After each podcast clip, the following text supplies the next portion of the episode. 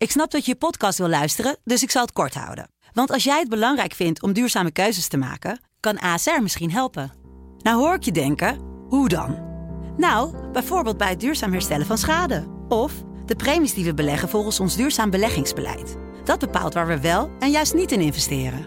Wil je meer weten over welke duurzame keuzes ASR maakt? Ga dan naar asr.nl/slash duurzame keuzes. ASR doet het. Zo, dan kan je nu lekker naar je podcast luisteren.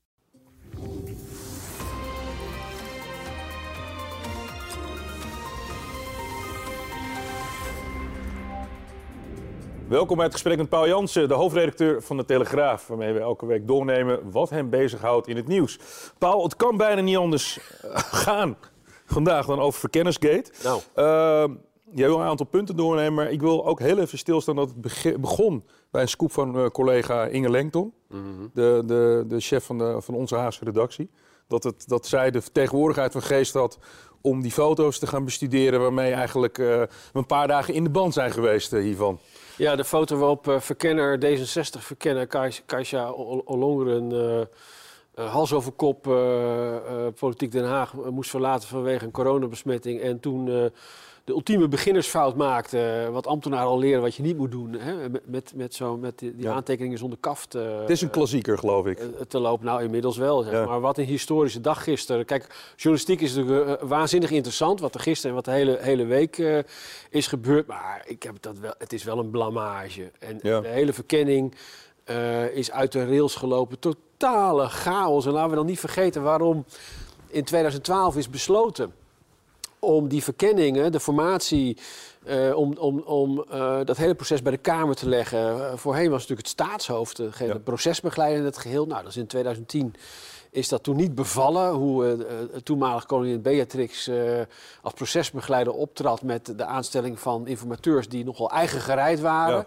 En toen heeft in 2012 de Kamer gezegd, weet je wat, we doen het zelf wel. En, en, en nu nog geen tien jaar later zi- zitten, we, zitten we met dit. Het is Ja. echt, echt een aanfluiting. Maar ehm, ja, de grote vraag is eigenlijk, wat nu? En ik zou toch even terug, terug willen gaan naar van waar, waar is het ook alweer allemaal om begonnen? Het ging natuurlijk om eh, die, die functie elders voor, voor Pieter Omtzigt. Nou, inmiddels weten ze dan wie de, de dader ligt. Eh, ik schreef eerder deze week nog, de dader ligt waarschijnlijk op het kerkhof. Maar ze hebben hem opgegraven en het is de, de, De premier zelf. de premier zelf VVD, in, in zijn hoedanigheid als VVD-lijsttrekker eh, Mark Rutte. En, en waarom ehm, was het nou logisch om eh, Pieter Omzicht weg te willen promoveren naar ofwel een kabinetspost ofwel voorzitter Tweede Kamer? Eh, dat had natuurlijk alles te maken met eh, de wens van de VVD om met D66 en CDA weer de kern te vormen van een nieuwe coalitie. Het lag zeer voor de hand dat dan Wopke Hoekstra als lijsttrekker van het CDA weer het kabinet in zou gaan. Al dan niet, het zou terugkeren op zijn post als minister van Financiën. En, En dat, wie wordt dan de fractievoorzitter van het CDA? dat zou betekenen dat de nummer twee, Pieter Omzicht, dan waarschijnlijk de fractievoorzitter was geworden inderdaad van het CDA. Nou, en dat, dat wilde Rutte, dat proef je aan alles, te- ten alle, ten Nee. alle tijden voorkomen. Nou, wat je vervolgens hebt gezien is dat ze echt een muur van vergeetachtigheid en een leugenachtigheid hebben opgetrokken rond dit hele circus. En waarom is dat echt ongelooflijk kwalijk? Is omdat dat zijn in het vorige kabinet net is gevallen. Ja. Over de toeslagenaffaire, waar dat soortzelfde machinaties een rol speelden. En eh, we zijn nog niet, eh, eh, de verkiezingen zijn nog niet voorbij. En er blijkt eigenlijk, ondanks alle beloften, niks te zijn geleerd. Mag ik je, mag ik je er één tussenvraag over stellen? Wat, wat maakt het dat je op het moment dat je weet, die naam staat op een papier, dat ontkennen heel ingewikkeld gaat worden, dat je niet op een gegeven moment toch besluit, weet je, ik ga maar open kaart spelen, dat ik die naam als potentiële bedreiging of eh, heb benoemd, dan, dan denk ik dat heel veel mensen je dat namelijk wel vergeven. Ik weet, ik weet het niet, Wilson. Nee. Ik, ik kan niet in, de, in, in het hoofd kijken van, eh, van Rutte. Ehm, ik denk dat hij. Dat hij eh, kijk, het laat een aantal dingen zien. Het laat zien dat eh, eh, Rutte in het, vanwege het feit dat hij in een verkenning van de formatie, waar, waar het eigenlijk om gaat natuurlijk van welke coalitie gaan we vormen, Ja. dat je dan al met deze poppetjes bezig bent, laat zien dat hij zo vereenzelvigd is met de macht, Ja. dat hij denkt dat hij het hele proces kan beheersen.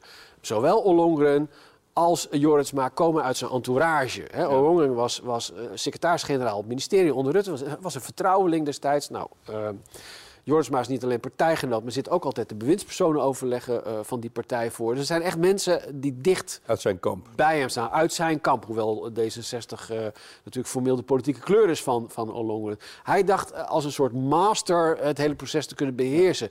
En als je daar niet meer scherp bent in wat er wel en niet kan in de procedure, ga je dit soort fouten maken. Ja. En ik denk dat Rutte heeft gedacht.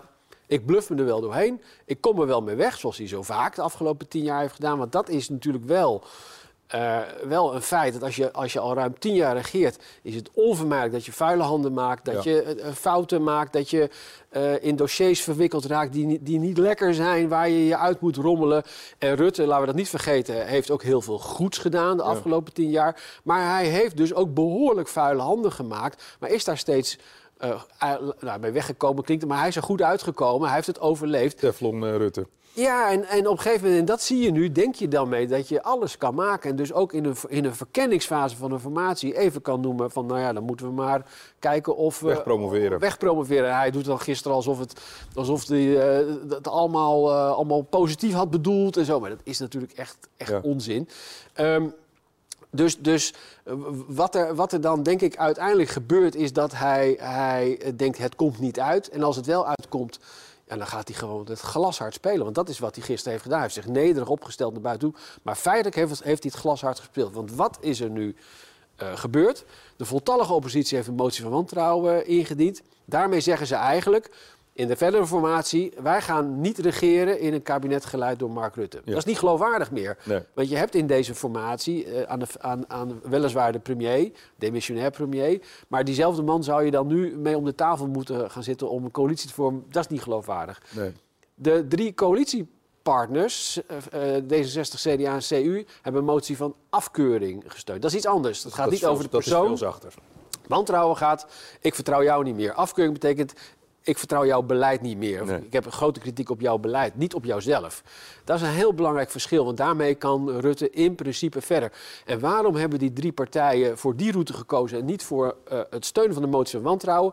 Als, zij dat, als één van die drie partijen motie van wantrouwen had gesteund, had Rutte acuut weggemoeten. Was er een acute bestuurscrisis opgetreden, terwijl we al in een grote coronacrisis zitten. En dat was gaan afstralen op een van de drie partijen. Want dan hadden we weer naar de stemhokjes moeten Nou, dan had je eerst de vraag gehad, laat de VVD Rutte los. Ja. Dan gaan ze met een andere leider verder, want dan kan je weer een coalitie vormen. Maar die VVD heeft alles aan Rutte te danken. Ja, precies. En de fractie, de Kamerfractie, die in eerste instantie daar een oordeel over moet vellen, bestaat voor een aanzienlijk deel uit, uit mensen die die nauw met hem hebben samengewerkt, allemaal uit loyalisten. Dus die gaan hem niet loslaten. Nee, de VVD nee. laat Rutte op dit moment niet los, want ze weten... Hij heeft het verkloot, laten we daar gewoon heel eerlijk over zijn. Maar bij de VVD weten ze, als we hem loslaten, dan stort de hele boel in. Ja. Dus die proberen dat te rekken en te rekken. Dus wat je nu gaat zien, is dat die drie partijen die een motie van afkeuring hebben ingediend, maar het niet aandurven om nu de confrontatie aan te gaan, die gaan nu zitten kijken de komende dagen. Wat is de fallout? Hoe gaat er in het land gereageerd worden? En um, het is nog niet gezegd dat in een formatie die, die met een verkenner die waarschijnlijk nu op afstand uh, wordt aangesteld, althans een verkenner die van afstand ja. staat van de politiek, het is niet gezegd dat dat tot succes gaat leiden. Het is, uh, uh, als, je, als je kijkt D66, 24 zetels met een verkenner Ollongren die hier toch wel ook veel blaam treft. Die zal waarschijnlijk eieren voor zijn geld kiezen. CU mogelijk ook. Maar CDA, het, 15 zetels heeft het niet goed gedaan de verkiezingen. Nee, hebben, hebben de, nog steeds omzicht in hun midden. Ja, en eigenlijk heeft, heeft de premier een mes gestoken in de rug van omzicht. Hij, hij, hij noemt het wel uh, dat hij een bos rozen probeert te geven, ja. maar vergeet dat maar. Dat was het natuurlijk niet. Nee. Ik denk dat we heel goed moeten kijken wat het CDA de komende tijd gaat doen. Want het wordt natuurlijk heel anders als je als de, de nieuwe verkenner ronde gaat maken. Je doet als CDA wat, wat Hoekstal heeft gedaan. Je doet zo, van wij ja. zijn niet aan de beurt. Als je daarin volhardt, dan zal er moeten worden gekeken naar een coalitie uh, uh, zonder de VVD. Met die oppositiepartijen. Utopisch. Dan moet zo'n beetje de SGP met, met bijeen in bed gaan liggen en alles wat ertussen zit. Dat gaat niet werken. Ja, of dystopisch moet ik volgens mij eigenlijk zeggen. Ja, en dan, dan kom je uiteindelijk op hele rare varianten. Maar ook de optie weer dat de verkenner zal moeten zeggen... ja, ik geef mijn opdracht terug, want dit gaat niet werken. En dan ga je weer terug naar de kiezer. Ja. Maar dan heeft een van de drie coalitiepartijen niet die stekker in, in zijn hand van ik heb het uit het stopcontact getrokken. Nee. Maar dan is het in het proces gesneuveld. Dus uh, uh, de weg naar nieuwe verkiezingen is zeker niet afgesloten. Het gaat nu heel erg om de machtspolitiek, eigenlijk een soort, soort, soort chicken race, Ja. die knipte het als eerst met zijn ogen. Ja, dan wil ik je tot slot. Hè. Ehm, eh, vorige keer was er na de verkiezingen heel veel eh, eh, eh, ja, ongeloof over dat de toeslagaffaire niet tot de val van Mark Rutte heeft geleid. Want Ja. eigenlijk met de verkiezingen is hij bijna gerehabiliteerd. Eh, we hebben nu een, een, een, een, een Haagse, een keiharde Haagse discussie gehad. Hoe, wat, de mensen in het land, eh, dat is altijd heel lastig. Ja, het is heel lastig. Hebben ja. die zoiets van, ja, joh, ik, ik wil gewoon gevaccineerd worden en het zal maar aan mijn reet roesten wie dat regelt? Eh, even los van de terminologie. Ik denk Ja. dat dat, ehm, eh, dat exact de reden is waarom eh, CDA, D66 en CU nu even pas op de plaats maken en, Ja. en niet hebben doorgepakt. Ik denk dat ze aanvankelijk wel misschien hadden gehoopt of verwacht dat Rutte zelf de handdoek in de ring zou gooien. Omdat hij denkt van ja, ik kan niet meer geloofwaardig door. Maar Rutte volhardt. En ehm, de reactie van de mensen in het land eh, is in het verleden wel vaker gebleken, is een andere dan Ja. de emotie in de Kamer. Je zit daar toch in een bubbel. Ja. Dus de, de, de reacties eh, de komende tijd zullen, zullen daar heel bepalend in kunnen zijn over hoe het verder gaat. En we hebben gezien dat in deze crisis Rutte ongelooflijk veel krediet heeft opgebouwd door zijn kundige crisiscommunicatie, zeg ik dan maar. Want crisisbeleid, daar valt het nodig op aan te merken. Maar hij stond er wel als leider. En de hamvraag is, is dat krediet met wat er de afgelopen dagen eh, is, afgelopen week en zeker gisteren is gebeurd, is dat krediet verspild. En ik kan je één ding zeggen, is dat eh, eh, de gemiddelde Nederlander niet zoals jij en ik tot diep in de nacht dat debat hebben zitten volgen. Ja. Weet je, wij zijn, wij zijn toch politieke junkies, Ja. wij zitten daar op het puntje van onze stoel.